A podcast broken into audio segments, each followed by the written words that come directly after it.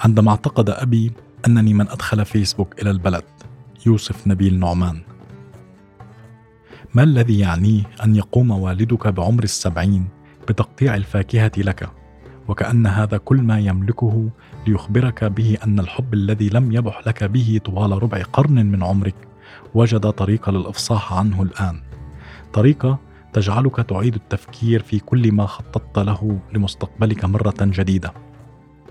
سفرك بعيدا عنهم زيارتك القليلة لهم روتينهم القاتل الذي يجعل من مجيئك حدثا مهما لم تكن له أي قيمة في يوم من الأيام. العمر الذي يمضي يؤكد أن الحب الذي يملكونه تجاهك يجعلك مسؤولا عن استقباله ولو على حساب أي تفصيل آخر في حياتك. الأهل هم السبب في بقائك. وعدم سفرك في اختيار أي فرصة تخرج منها بأقل الخسائر تجاههم. كثيرة هي العقبات تكاد لا تحصى لكن العقبة التي يصنعها الأهل هي لعنتهم التي لا يستطيعون التحكم بها. يتلونها عليك دون أن يعرفوا أثرها. من حيث اللعنات عبر الزمان كان هنالك أشياء يتم الوقوف عندها مطولا منها ما هو من الضروري البحث فيها ومنها لم يقدم تجاهنا أي شيء ذي قيمة. وعندما يتقدم العمر بك تبدأ بالتفكير بخياراتك.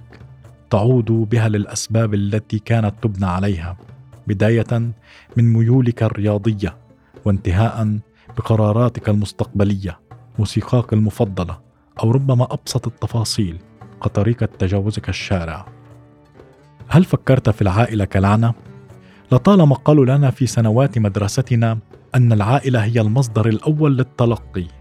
كانت رؤوسنا تبنى بالإيجابية تجاه هذه المؤسسة التي تتشكل جميع قوانا داخلها ولا مجال للخطأ فيها وكأنها أحد الكتب السماوية لكنها غير منزلة أو صادرة عن أحد بل هي مجموعة أفعال تكتسبها مشتركة في أغلبها بين جميع الناس تختلف في الانتماء.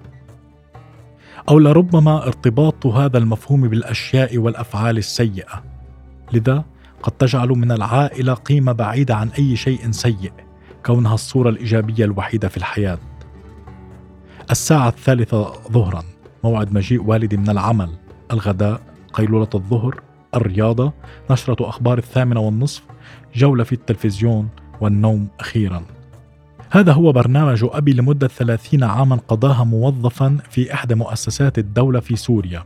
هذا هو الروتين الذي اختاره أبي ليخرج بأكبر قسط راحة كان متخيلا له. خلال الثلاثين عاما هذه تغيرت وتبدلت أمور كثيرة.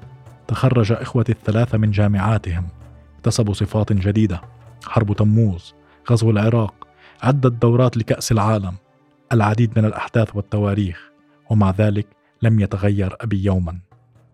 دخل فيسبوك ووسائل التواصل الاجتماعي لحياتنا السورية بعد أن كانت محظورة نتيجة لمخاوف من تأثيرات قد تسببها هذه التطبيقات.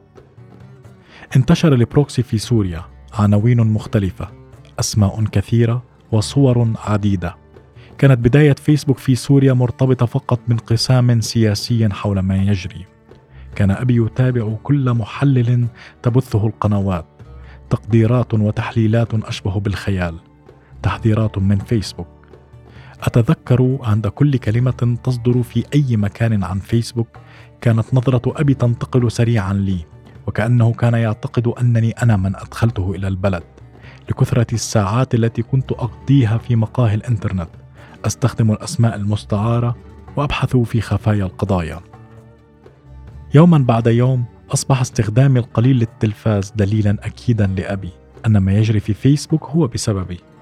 حديث المحللين واتهاماتهم كانت تمر من أبي إلي. كل هذا لم يشعر أبي ولو بلحظة واحدة بالفضول للتعرف على هذا التطبيق. بيومنا هذا أصبح كل فرد في بلدنا لديه فيسبوك. أصبح جزءا لا يتجزأ من حياة الكائن السوري إلا أبي. استمر في روتينه. لم يأبه لحديث زملائه عن ما ماذا أنشر وعن نشاطاتي. كان يحاول الحفاظ على التطبيق الأمثل بالنسبة له وهو قوله في بداية أي مكالمة يجريها إيه بدلا من ألو.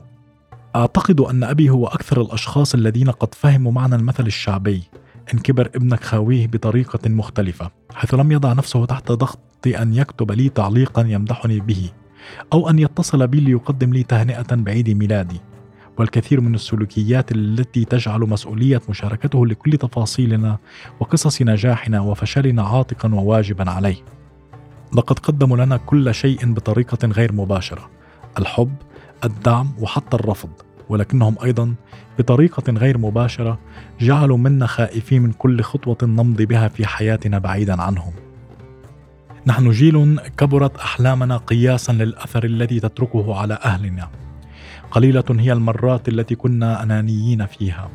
تنمو وكل تفكير في عقلك يصب في إيصال صورة تجعل هذه العائلة مكانا للفخر ولو على حساب نفسك. لربما تلك اللعنات جعلت منا اشخاصا نهو السقوط نهو التخلي عن أي حلم يجعلنا في مدى بعيد عنهم. نكاد نغرق في أشياء صعبة المنال.